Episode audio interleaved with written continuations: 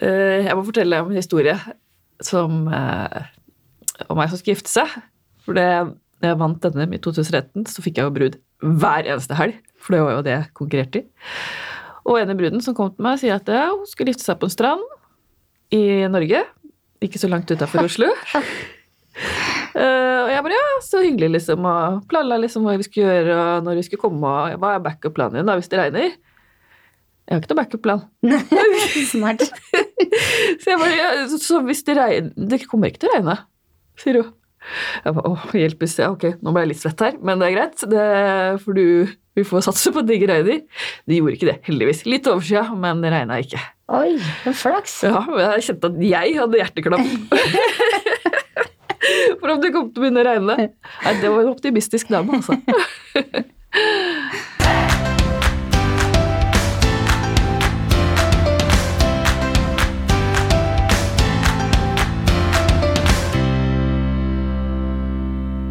Velkommen til Hårpodden. Jeg heter Renate. Jeg heter Ann-Marit.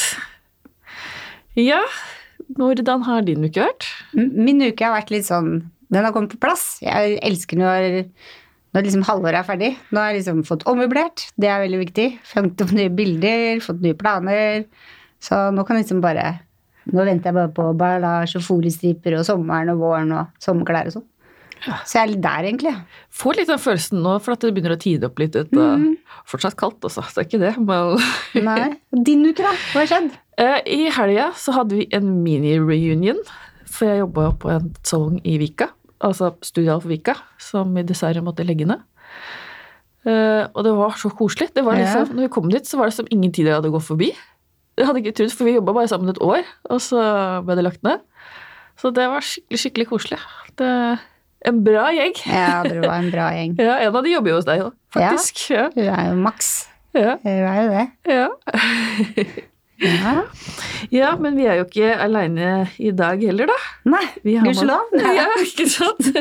Vi har med oss en gjest uh, som jeg syns er den morsomste frisøren jeg veit om.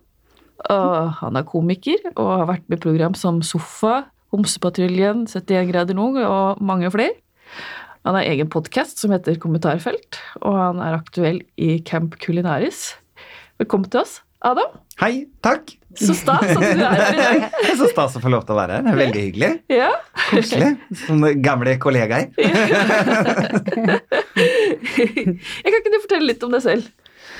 Fortelle litt om meg selv. Ja, jeg, jeg har jo um, gamle Jeg har nylig oppdaget at jeg eh, er 36, og jeg har trodd veldig lenge at jeg er 37. Så jeg har på en måte fått et år jeg har fått livet i gave. Jeg har et bonusår som jeg går på nå, og det er veldig hyggelig.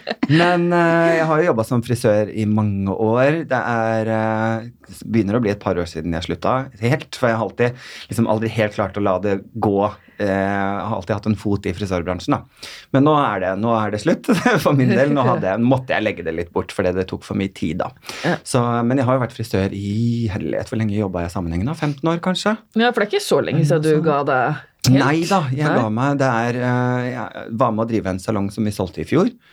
Så, men jeg jobba ikke der som frisør det siste året, kan du si. da. Så det begynner å bli sånn et par år siden sist jeg sto med kunder, da. Ja. Ja, rett og slett. Tipper du kommer til å savne dem nå. Ja, man gjør det, men det som er veldig fint, er jo at jeg ofte er konferansier på en del sånne frisørrelaterte messer og sånn. Eh, og det er veldig hyggelig, for jeg har jo veldig sånn god erfaring i bransjen, så jeg vet hva det går ut på. Så jeg er en god konferansier, kan du si, for disse messene. Så jeg skal eh, gjøre Arctic-messa i Nord-Norge. Skal jeg være konferansier på, som er senere i år.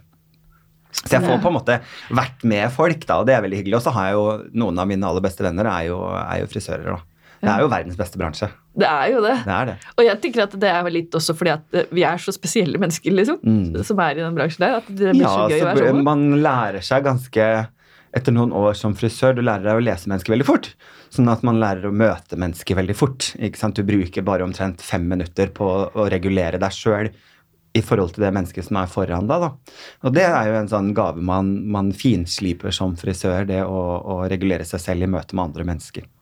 Så skal man passe på at man ikke regulerer seg selv helt bort. Ja, satt. Mm. Vi har et hovedtema i dag. Ja. Det er jo TV, show og frisør. Og diverse. Ja, diverse. Egentlig alt mulig, da. ja. Alt og ingenting. ja. Mm. Altså, frisørutdannelsen din var jo egentlig ikke førstevalget ditt. Hva Nei. var den egentlig drømmen din? Og fra jeg var liten så ville jeg bli skuespiller. Eh, og så hadde jeg en periode der jeg ville bli danser. Og så hadde jeg, jeg en søster som er veldig flink til å synge, så jeg hadde litt lyst til å drive med det. Og visste ikke helt. Hun var veldig, hun sang veldig fint, eh, klassisk, sånn at den, det var liksom tatt. eh, Den biten, så den turte jeg ikke gå etter, siden alle sa at hun var så flink hele tiden. Men så ble jeg god på tekst, da. Det, var, det å levere tekst og monologer, og jeg var jo veldig aktiv eh, elevrådsleder og alle disse tingene. Så, eh, og etter hvert da også kunne gjøre eh, teaterproduksjoner der man leverer tekst, rett og slett. For det, det var en styrke jeg hadde. Og så husker jeg veldig godt første gangen jeg gikk ut på en scene der de begynte å le. I salen. Jeg tror det har, man, det har man jo alltid jobbet etter, den første følelsen der. Når de lo, så tenkte jeg åh, hva var det som skjedde nå? Dette er det beste jeg har kjent i hele mitt liv. Og så siden det har det jo den latterbiten vært en slags applaus for meg, da. Men så eh, valgte jeg frisør fordi jeg begynte å gjøre det ganske bra på sceneting rundt, om, eh, rundt i miljøet der jeg var, og skjønte at vet du hva, det her, dette kan jeg få til. Eh, men så er det den frykten i bakhudet ditt som sier tenk hvis det ikke går, og så skipper du nå all utdannelse. Det er dumt. Nå må du finne noe du kan gjøre. Og så tenkte jeg hva kan jeg gjøre uansett hvor jeg er i verden? Klippe hår. Det kan jeg gjøre. Uansett om jeg flytter dit eller dit, så trenger folk å klippe hår. Så jeg tar frisør. Og så gjorde jeg det med sånn halvveis innstilling. Eh, men gjorde, og jeg er jo en sånn fyr som liker å gjøre det bra, så man går jo all in. Og, og så ble jeg jo flink. Eh, og så plutselig, så før man visste ordet av det, så var jeg daglig leder i Oslo på et eller annet sted. Og drev med det ene og det andre, og, og motebransje og, og magasiner og alt det der. Eh, og så må man jo Kommer man til et punkt der man bare sånn Hei, det var jo ikke dette jeg ville. Nå har jeg blitt slukt opp av dette. Jeg elsket det, det er ikke det, men jeg bare inni hjertet ditt sier at du skal gjøre noe annet. Mm. Mm. Så det tok litt tid å, å komme inn i det, og det tok litt tid å komme ut av det. Men det er ingenting som sier at vi må gjøre det samme hele livet. Det er jo, jeg syns absolutt for at man Absolutt. kan gjøre mer ut av livet sitt, for å si det sånn. Helt klart. Og jeg var ganske heldig. sånn første første billetten jeg fikk inn, var jo også relatert til faget mitt. For det første jeg gjorde på TV, var jo Homsepatruljen, Ja. som ble det store gjennombruddet. Og da var jeg også frisør. Riktignok var jeg en nyutdanna frisør. eh, Ja, du var det? Ja, jeg kunne Ja. ingenting. Og så skulle jeg da jobbe sammen med mm, Fikk jeg jo da den rollen i Homsepatruljen sammen med bl.a. Birger Løking, som også hadde Jeg tror jeg var ute etter den frisørplassen i Homsepatruljen, og så fikk ikke han den. Og han var jo et av mine store idoler, ikke sant. Ja, Så gøy! Og så skulle jeg komme inn på sidelinja, så fikk han klær, og så fikk jeg Han ble liksom stylisten, og så skulle jeg stå ved siden av Birger Løking og gjøre hår, som føltes helt sånn Det kan jeg ikke. Jeg kan ikke, kan ikke stå ved siden av han og fikse hår, det går ikke, liksom. Så det husker jeg var litt sånn Jeg, jeg brukte jo Birger mye til å lære, og han hjalp meg jo ekstremt mye. Ja. Så, så jeg fikk en sånn fin billett inn i showbiz med å gjøre det jeg faktisk var, var god på, da. Ja. Og så kom jo hele takraset etterpå, da, der du prøver å, å bruke den billetten videre til å, å komme til det jeg hadde lyst til å drive med, som var underholdning. Og så skal man jo da kjempe en kamp, for Norge er jo litt sånn som eh, sier at dette kjenner vi deg som. Så, som du sier, man kan jobbe under flere hatter, men Norge er ikke så glad i det. Mm. Eh, vi er veldig glad i å plassere folk i en boks og si sånn er du. Så du kan si all jobb jeg fikk i Domspatruljen, var jo vil du kaste terninger på antrekk? Eh, kan du gjøre makeover-TV? Kan Ja. du ta over noe liksom terningkast i noen magasiner? Eh, alt gikk på det. Jeg fikk jo til og med tilbud om å starte egen frisørkjede, fikk eh, sponsor på egen produktserie, eh, og sto og takket nei, nei, nei, nei, nei, det er ikke dette jeg vil, da. Mm. Mm. Så det tok litt tid å, å rydde opp i. Ja, vi er så snevre i Norge, altså. Ja, vi er jo veldig glad i at uh, Man har jo f.eks. noen artister som plutselig gir ut uh, musikk. ikke sant? Det er ikke Norge så veldig glad i. Du må velge hva du skal være. Jeg må vite hvor jeg kan plassere deg hen. Du får ikke lov til å være sanger og uh, komiker, eller du får ikke lov til å være frisør og programleder. Altså, det blir Folk klarer ikke å håndtere det. Det blir for mye å Ja, det blir veldig mye å fokusere på.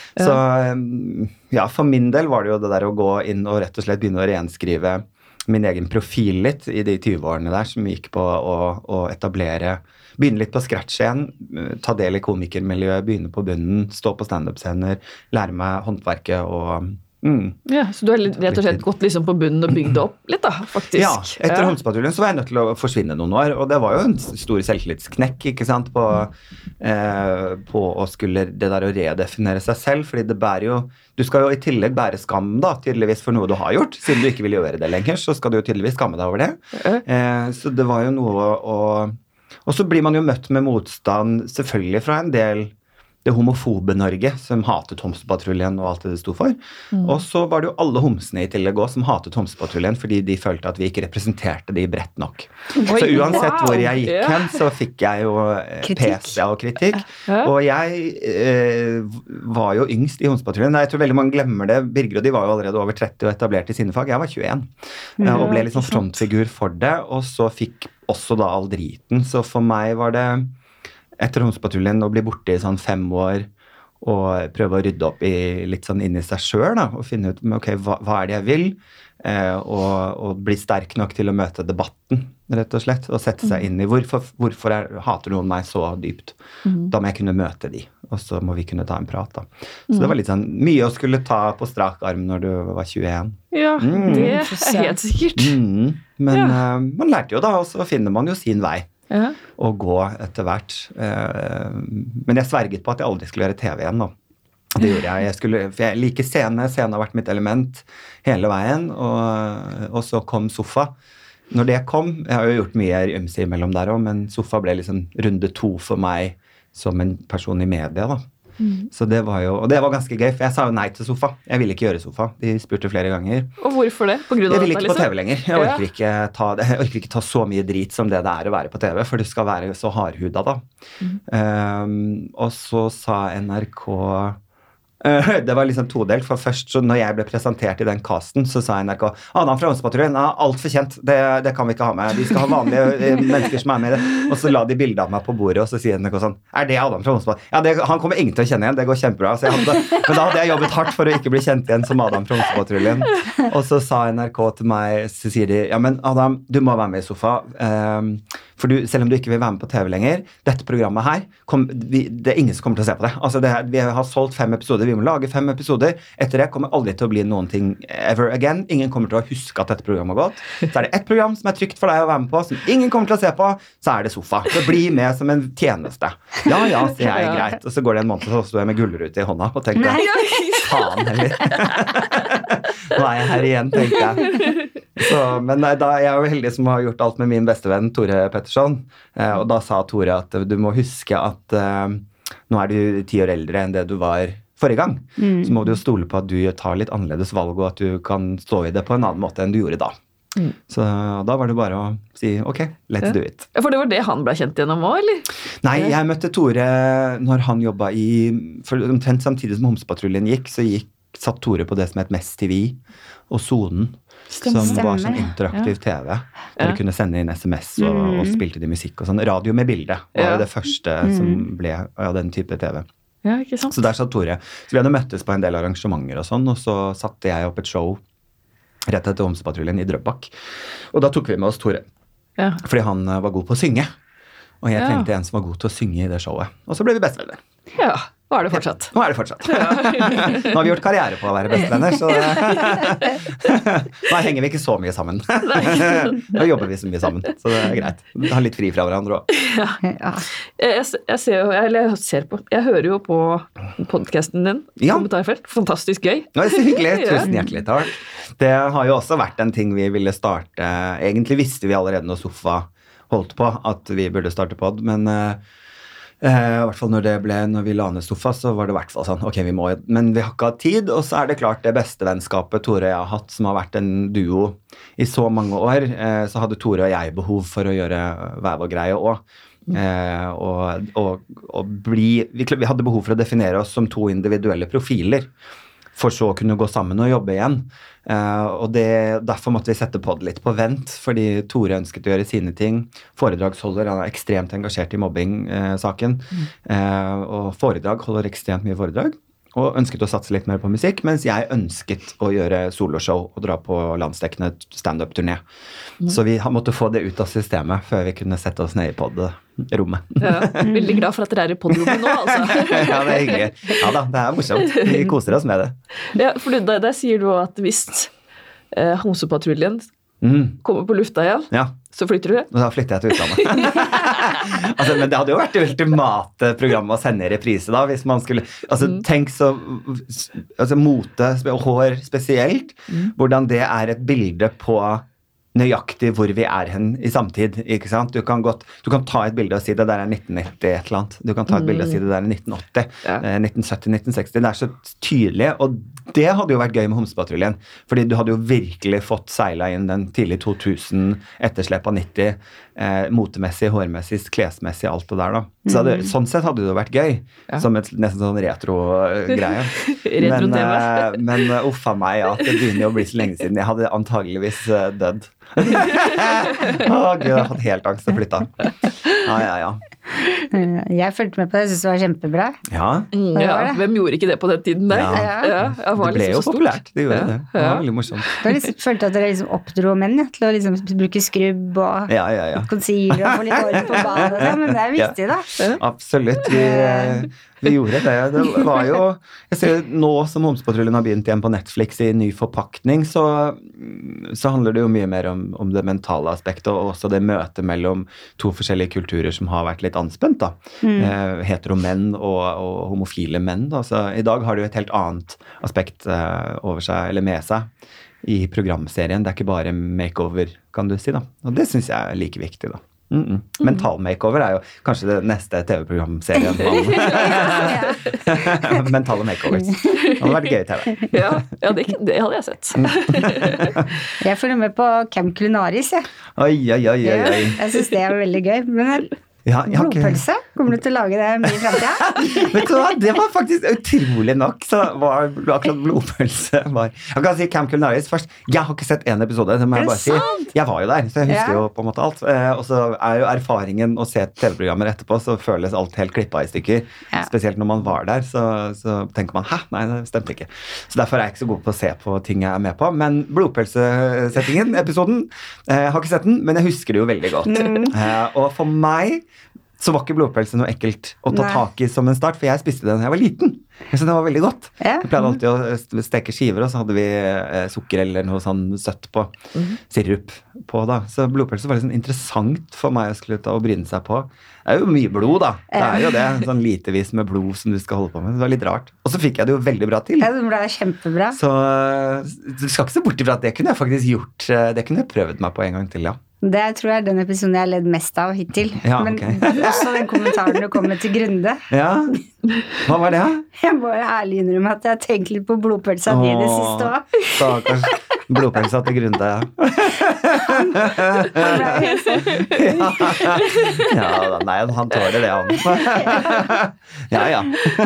Pølsa til Grunde. Eh, For de som er frisører og lurer på om dette er rett for dem, om de skal finne på noe annet, hva har du noen tips til dem?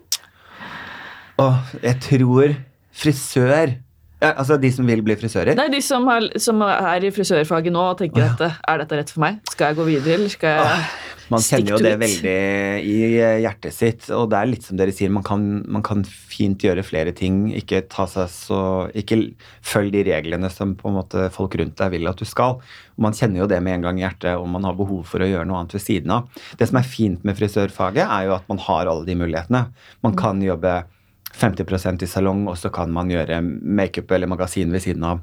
Man kan undervise på skole. Man kan, det er så mange muligheter. da, Ikke bare det der å drive med kunder. Man kan gå inn i ledelse og drift og eh, sånne ting. Så, ja, men jeg tror jeg kjente veldig Jeg jobbet jo veldig mesteparten av min frisørkarriere i, i, på Hårekjeden. Og jeg brukte jo veldig mange år på å alltid være han som ja, vi må ha flere visninger. Eh, skal vi ikke lage egne bilder?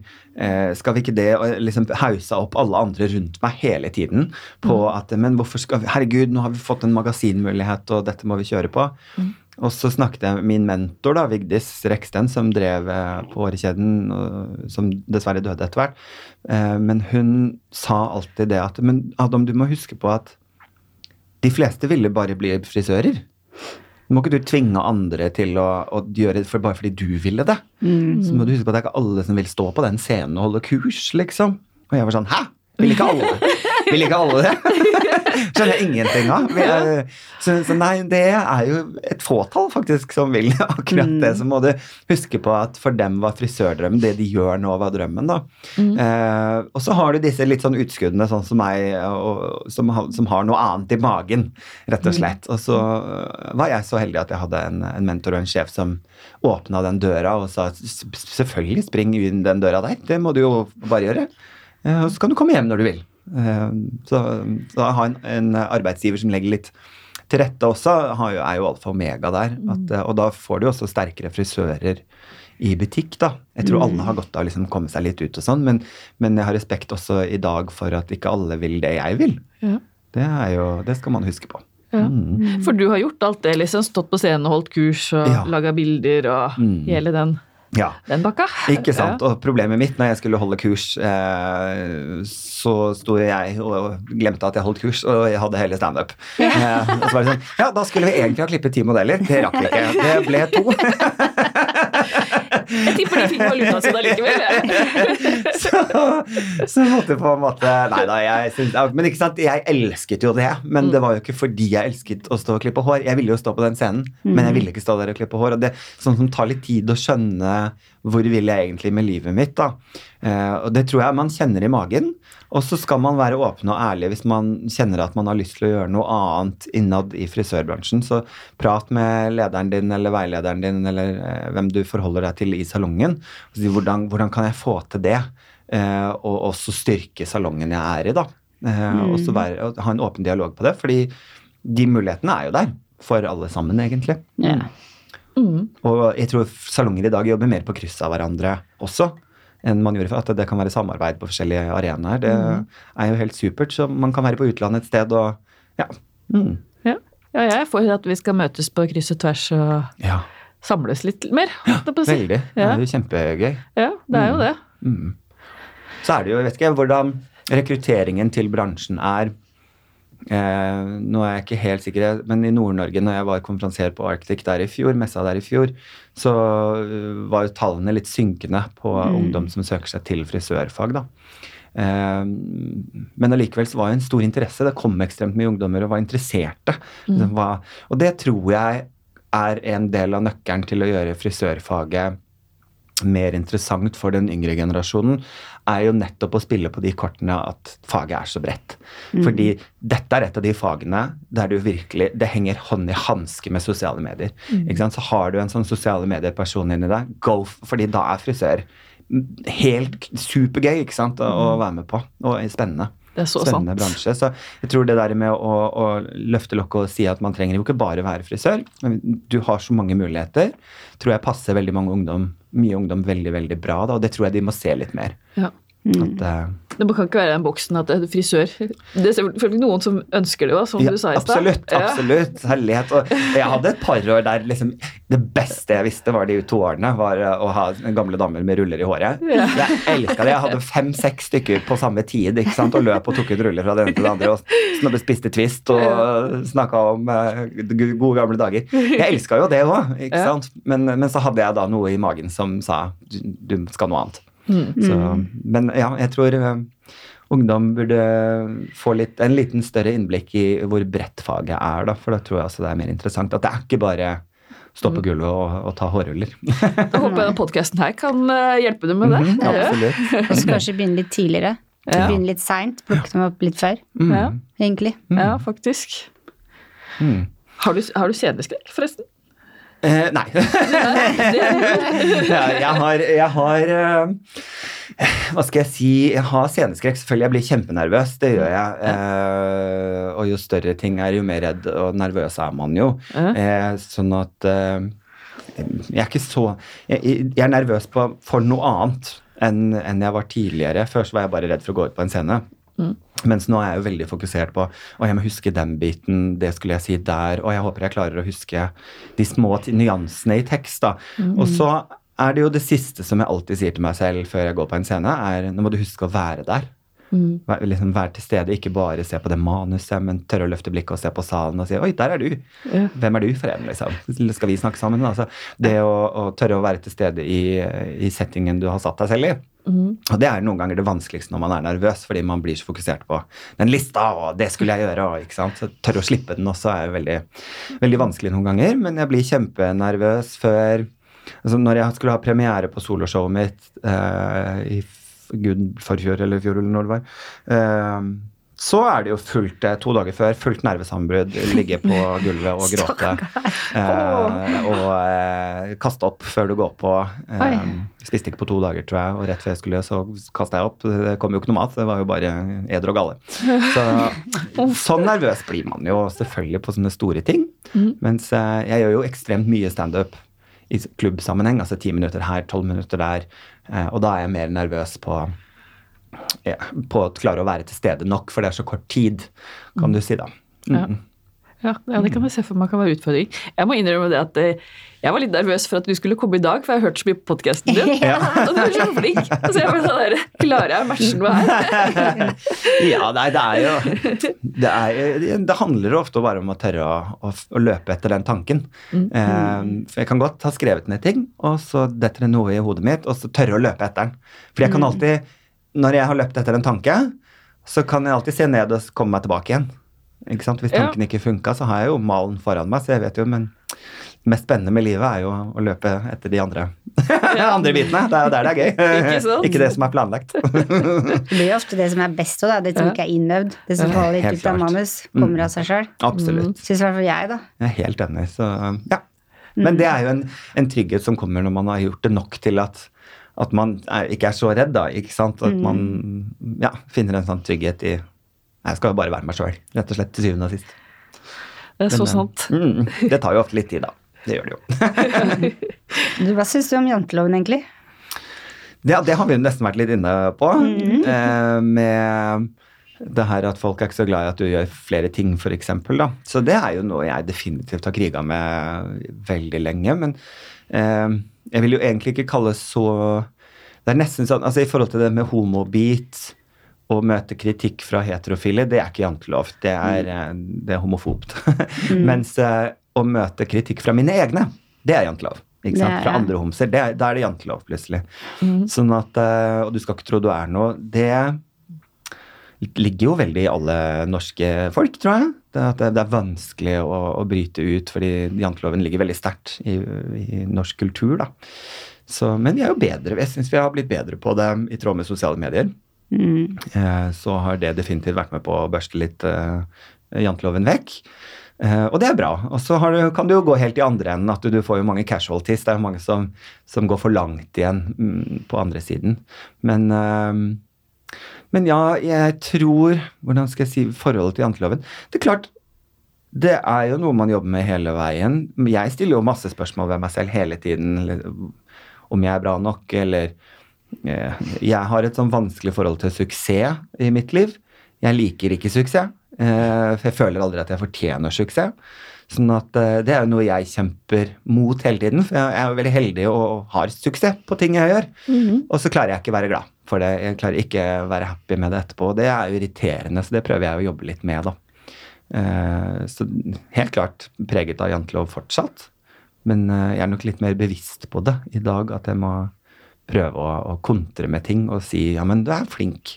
Mm. Så Gi deg selv ros, rett og slett. ja. Ja, Mm. Ikke sant? Det handler vel kanskje også litt om å gi litt faen i hva andre syns. ja, Eller absolutt. være Helt klart. fornøyd med det du oppnår, og så hvis andre ikke vil vedkjenne det, så bare Mm.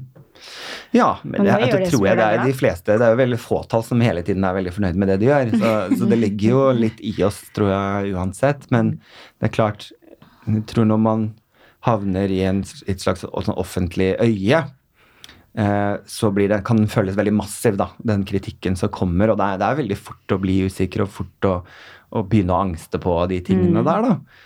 Eh, liksom, ok, jeg fortjener tydeligvis ikke dette i det hele tatt, ikke sant. Og så må man jo finne det i seg, og det tror jeg til syvende og sist så går det å komme seg fremover Det ligger i at jeg vil ikke gjøre noe annet. Jeg gjør det jeg gjør uavhengig av suksess. Kan du si. Det, det er ikke suksessen som gjorde at jeg ville stå på en scene. Jeg ville stå på en scene fordi at det er det eneste jeg vil gjøre. Om det er tre mennesker i salen eller 3000, det driter jeg i. Det er veldig deilig nå som det er nok til at jeg kan leve av det. Det er jeg veldig glad for. Men jeg hadde gjort det uansett. Mm. Så det er jo liksom kjernen i hvem du er, da. Ja. Mm. ja. Det er, litt, det er litt sånn samme Det blir ikke det samme, men når du er frisør, så vil du gjøre folk glad. Du skal være fornøyd. Du vil også gjøre folk glad. Du vil få dem til å le. Mm. Og ha det gøy. Absolutt. Eh, jeg hadde en uh, venninne veldig tidlig, sånn i 20-årene, som sa til meg en gang vi, vi gikk sammen til jobb. Vi delte leilighet. Eh, hun jobba i noe sånn barnevernet, tror jeg. Eh, så rusla vi til jobb sammen. Og så så hun på meg, og så sa hun Så rart. Nå skal du på jobb i åtte timer og gi folk god selvtillit. Det er gøy. Ja. Og så tenkte jeg sånn Ha, det skal jeg faktisk. Så hun bare, det er en fin ting å gjøre. Det var, sånn, det var lett, men det var veldig riktig, da. ja, det er jo sant. Mm. Så det var deilig. Sånn god start på dagen å, å gå inn eh, i salongen og tenke det, det er jobben min i dag, da. Men jeg har jo da Jeg har jo ofte kniva litt med meg sjøl i forhold til det der med, med frisørbiten, fordi at jeg ja, har jobba så mye med meg sjøl opp igjennom at jeg tror jeg bryr meg ekstremt litt om hvordan jeg ser ut på utsiden. Sånn at eh, det ble så krasj mellom det å stå Følte jeg mange ganger å være litt fake i salongen. Og late som jeg brydde meg så mye om ting som er utenpå, når jeg egentlig ikke gjorde det. Eh, og det kom igjennom en av de siste kundene jeg hadde i salong, som setter seg ned og sier sånn klassisk Hvis du kunne gjøre hva du ville, liksom, hva ville du gjort da? Sa du da? Og så sa jeg det driter jeg i. Jeg driter fullstendig i hvordan du ser ut. Du må være fornøyd med deg sjøl. Sånn, jeg kan klippe, jeg kan uh, sette meg ned og si her er de naturlige forutsetningene dine. Denne sveisen gjør at alle de kommer best frem. Uh, dette kler du. Og så kan du gå ut herfra og føle deg helt jævlig. Og hvis du ikke føler deg fin da, så funker det ikke at du har fin sveis. skjønner Du Du må være fornøyd med det du ser først. Så kan jeg pynte på det etterpå. Så kan jeg få frem det som er riktig, men du må føle deg fin. Det, og den perioden der, jeg husker Fam Mirvold spesielt, som hadde liksom 3000 farger i, i et hår. Sånn rød og grønn og blå og lilla. Eh, og Fam Mirvold kunne gå inn i hvilket som helst rom og få all oppmerksomhet. Og det er ikke fordi at hun kledde å ha 28 farger i håret, men det er fordi hun bærer det skikkelig bra og syns at hun er skikkelig kul, og da syns det utenpå. Og da er du fin. Og det er litt sånn samme Tore som jobba makeup i mange år, eh, vært makeupartist i mange år, òg, som eh, sminka en dame Ofte i, i, når han jobba så, sånn senter-makeup, så står de og sminker halve ansiktet for å på en måte få Ser du forskjellen her, ser du det, og så ok, da kjøper du det og det produktet. Og han også på slutten gikk jo såpass lei at han hadde en dame der han sminker og sier ok, nå gjorde jeg det på det øyet, og viste henne hele tiden på øyet. Ser du at nå løftet jeg lokket ditt litt, ser du det, ser du det, ser du det. Jeg har aldri følt seg så fin i hele sitt liv. Så sier Tore, så gøy, for jeg har ikke hatt noen ting på kostene. Men nå ser du det samme Oi. som jeg ser. Oi, Ja. Så du må synes at du er fin først, skjønner du. Jeg kan ikke gjøre noe med det som er inni det. Så jeg tror for min del så, så ble det en slags metning på det å At det føltes eh, overfladisk. Ja. Eh, At jeg kom til et sånn metningspunkt på det. Mm. Eh, og så har du jo de frisørene som er gode på, på å, å være genuin frisør uten å være overfladisk. Ikke sant? Og, og det er jo trikset. Det er jo det, det er nøkkelen hvis du skal være en god frisør. Men jeg kom til et metningspunkt der jeg kjente at Og sikkert fordi jeg sleit med ting inni meg ikke sant, sjøl. At, eh, at jeg var så opptatt i å finne meg sjøl så innmari i den perioden at, at da, da gikk det ikke å stå og, og si ja, dette er du skikkelig fin med for å, å få en provisjon. Det klarte jeg ikke lenger, rett og slett. Så da måtte jeg slutte med det. Ja. Men er det grunnen for at du skriver den boka du gjør? Jeg har jo hørt Ja, nei, og den boken handler om noe helt annet. den boken handler om uh, mitt besøk på Hårpodden. nei, den boken handler om uh, handler jo selvfølgelig kanskje litt om det du sier, men uh, jeg skriver en bok nå som kommer til høsten om eh, maskulinitet. Det er nesten en slags manual, ironisk nok. to ender-manual. Eh, håndbok i å være mann. Eh, og hva ligger i begrepet å være mann, og hva, hvilken når jeg blir født, og de skriver på fødselsattesten at dette er en mann, hva er, det, hva er gavepakken jeg får med meg da? Eh, hva er forventningen til mitt liv da, når det står at jeg er mann? Eh, som jeg har kjempa veldig mye med hele mitt liv. Det der med å, å, å finne min egen maskulinitet.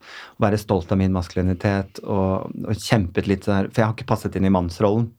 Eh, så det kan du si her, det er essensen av boken, er jo å gjøre begrepet maskulinitet til noe bredere enn det det er i dag i Vesten, altså eller i Norge, kan du si. da.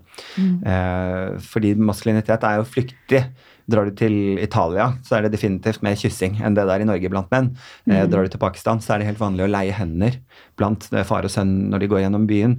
Eh, og så kommer vi til Norge, f.eks. Der har vi jo veldig strenge klemmeregler for menn. ikke sant? Du skal stå diagonalt, du må aldri stå tiss mot tiss, f.eks. Eh, og så er det den tre slag på ryggen. Eh, helst ikke kinnet, skal ikke være nære. at Vi har mye sånne regler, da, som egentlig er litt sånn sosiale konstruksjoner. fordi i og med at de har det annerledes i, i Pakistan, så betyr det at det egentlig ikke er noen regel her. Sånn at da kan jeg jo velge selv hva er en bra mann, da. Hva er maskulinitet for meg, da. Og jeg tror Og det betyr ikke at, at jeg sier at mannen er kjip.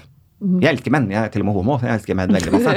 Eh, og det betyr ikke at den tradisjonelle maskuliniteten er feil, for den passer for veldig mange. Men det er veldig mange den ikke passer for også.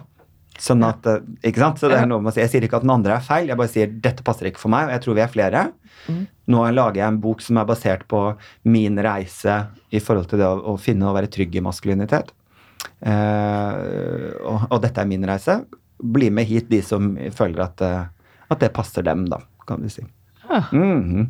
Det blir interessant Ja, å lese. Ja. absolutt. Jeg syns det har vært kjempeinteressant. Det vanskelige med det har nesten vært å, å begynne å grave litt igjen. Ja. Altså, hvorfor er jeg som jeg er? Hva har skjedd i mitt liv tidligere som har preget meg så mye som mann i dag? da? Mm. Eh, og så prøve å finne roten til hvorfor jeg er som jeg er. Og det har jo ikke bare vært hyggelig. Det er klart det er jo både noen samtaler som må tas med foreldrene sine, og eh, litt terapi innimellom og, og sånt noe for å, å finne kjernen. Ja. Så, så det har vært spennende, men det har vært utfordrende. Det er tøft å liksom finne Grave så dypt og tørre å gjøre det òg. Helt klart. Ja. Eh, Jeg satt nå Jeg har eh, jeg skrev dagbøker da jeg var tenåring, da jeg var rundt 15.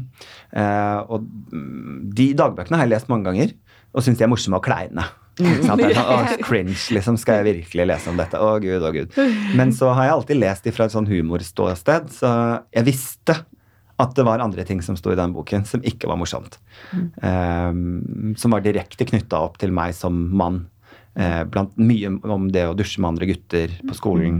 ehm, det med selvtillit. De tingene der, som jeg, som jeg egentlig galant har hoppet over når jeg har lest. Og jeg har lest disse bøkene mange ganger, men jeg visste at denne gangen, i forhold til den boken jeg skriver nå, som at det var det de tingene jeg skulle lese. Og det er vondt. Og jeg fant eh, et eksempel når jeg var 15, der det står uh, hver gang jeg går forbi et speil, så sier jeg 'hallerstyggen'. Så nå har jeg tatt Oi. vekk alle speilene rom, på rommet mitt. Nå har jeg tatt- fjernet alle speilene i huset mitt. ikke sant? Altså, Oi, sånne ja. ting da. Og, og jeg visste at det sto der, men det er vondt å lese det om igjen. Ja. Og så må man jo begynne å dekonstruere disse tingene da, og, og, og gå inn i det litt mer og si 'hvorfor hadde jeg det sånn', da? ikke sant? Mm. Um, og det er jo ikke noe hyggelig, men uh, man lærer jo da av å gå tilbake og, og lese litt om seg selv. Mm. Utforske Så, seg selv. Ja, så det er en spennende bok og utfordrende bok. Og det er ikke noe, jeg er jo ikke forsker eller eh, jeg er jo ikke biolog eller eh, eh, noe sånt noe, men jeg har masse refleksjoner som jeg føler at jeg kan dele, fordi at jeg har kommet godt ut av det. Jeg fikk svulst i hodet for to år siden som jeg opererte ut. Eh, ikke i hjernen, men i hodet. Eh, litt sånn opp bak kinnbenet innover her. Så jeg har jo måttet måtte liksom åpne hele hodet mitt på sida og løfte, og de gikk inn under der og hentet det. Og hele den reisen her startet litt. Både boken og showet som heter 'Mellom barken og feen', kom litt fra at når jeg skulle operere, så tørte jeg, så ville jeg ikke si det til noen, for jeg skulle klare det. Dette ordner jeg sjøl. Jeg gidder ikke si det til mamma engang. Eh, ok, og så står du og tenker ok, men hvis jeg skal dø, da, hvis, den, hvis det nå er så ille, den svulsten, at den er ondarta, det vet jeg ikke før den er ute. Eh, ok, da skal jeg si det til mamma di. ikke sant? Da, da skal jeg fortelle det. Tore var den eneste jeg sa det til. Og Tore selvfølgelig sier jeg blir med deg på sykehuset og venter på operasjon. Nei, nei, nei, jeg kommer rett på jobb etterpå. Jeg, altså, jeg skal bare få bli kvitt narkosen og klare selv, klare selv, klare selv. Eh, og så, eh, når jeg våkna opp etter operasjonen, så satt Tore der allikevel. Mm. Eh, og enda jeg hadde bedt han om å ikke gjøre det. Så satt han der, og så tenkte jeg ja, Kanskje han er skikkelig glad i meg likevel. Og så er det irriterende, og så blir jeg irritert i det jeg tenker det. For var det dette som skulle til? For at min beste venn gjennom 15 år Var det dette som skulle til før jeg kan innrømme at jeg tror han er glad i meg?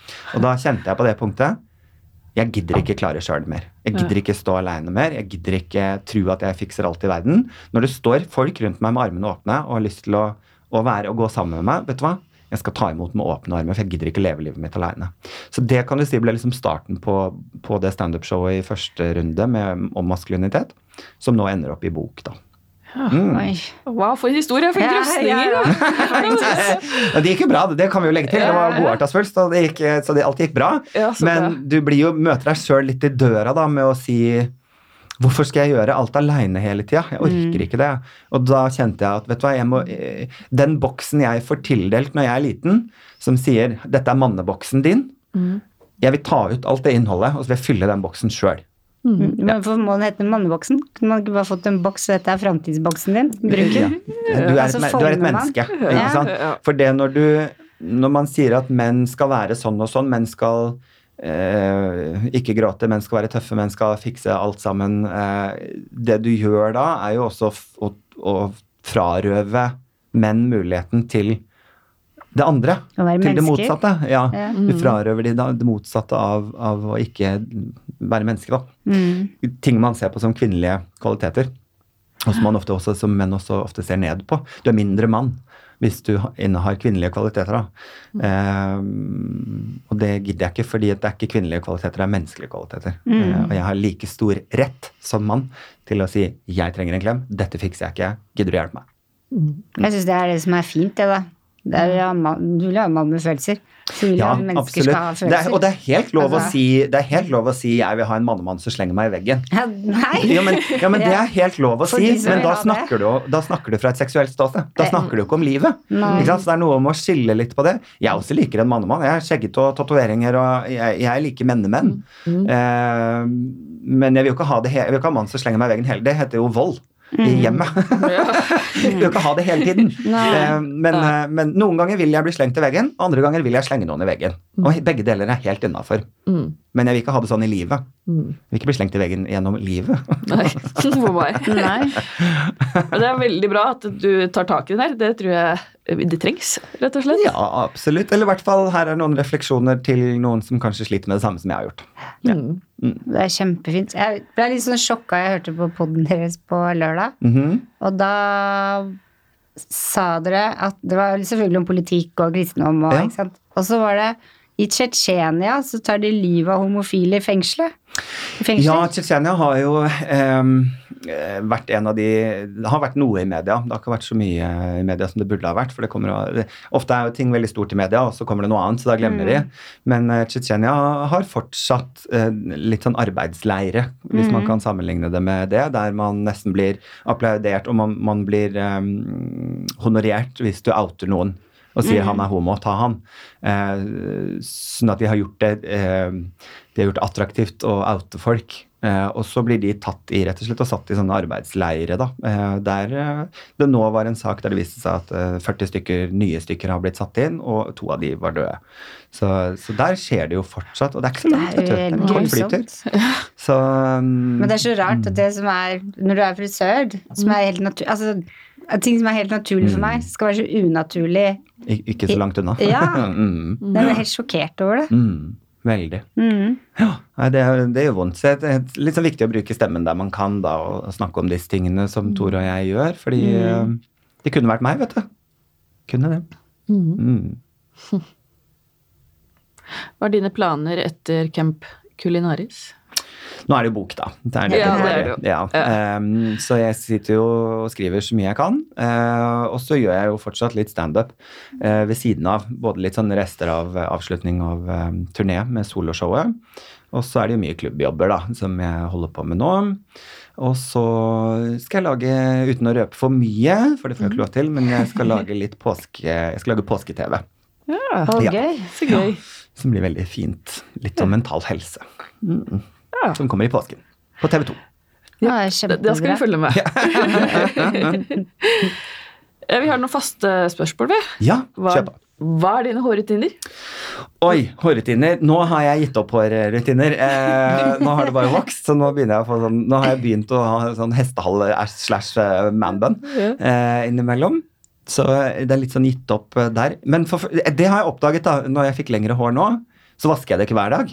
Er ikke det deilig? Ja, Det var ganske nice, liksom. Jeg, jeg bare Nei, kanskje jeg bare skal dusje kroppen.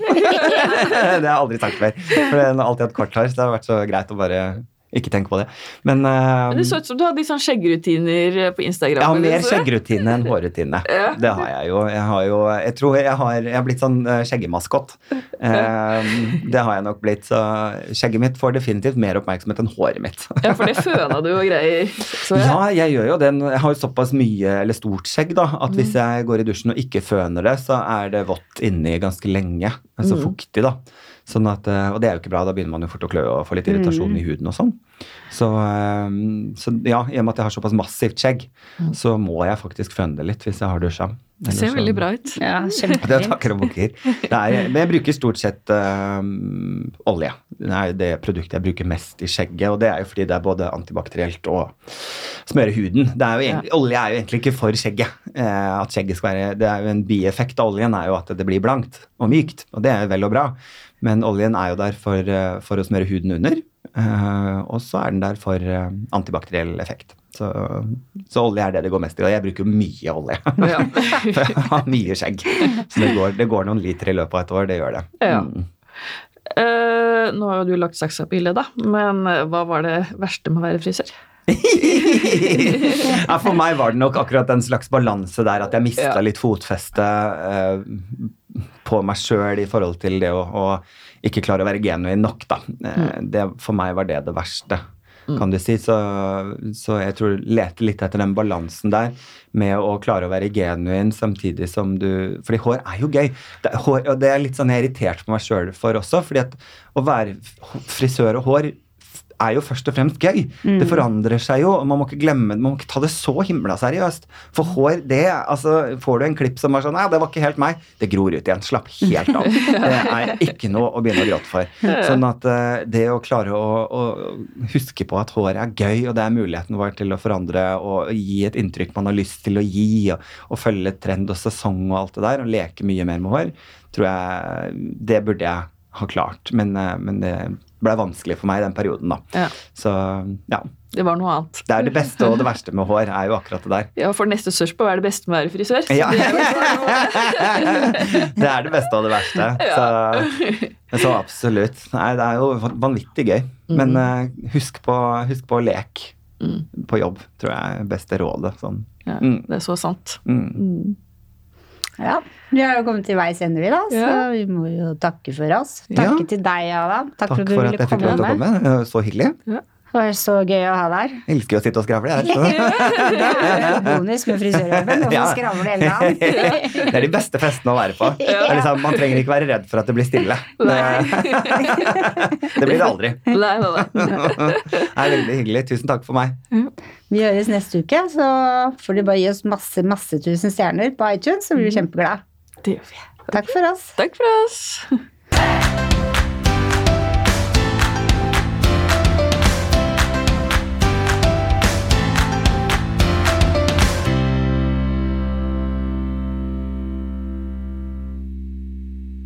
Har du et enkeltpersonforetak eller en liten bedrift? Da er du sikkert lei av å høre meg snakke om hvor enkelt det er med kvitteringer og bilag i fiken, så vi eh, gir oss her, vi. Fordi vi liker enkelt. Fiken superenkelt regnskap.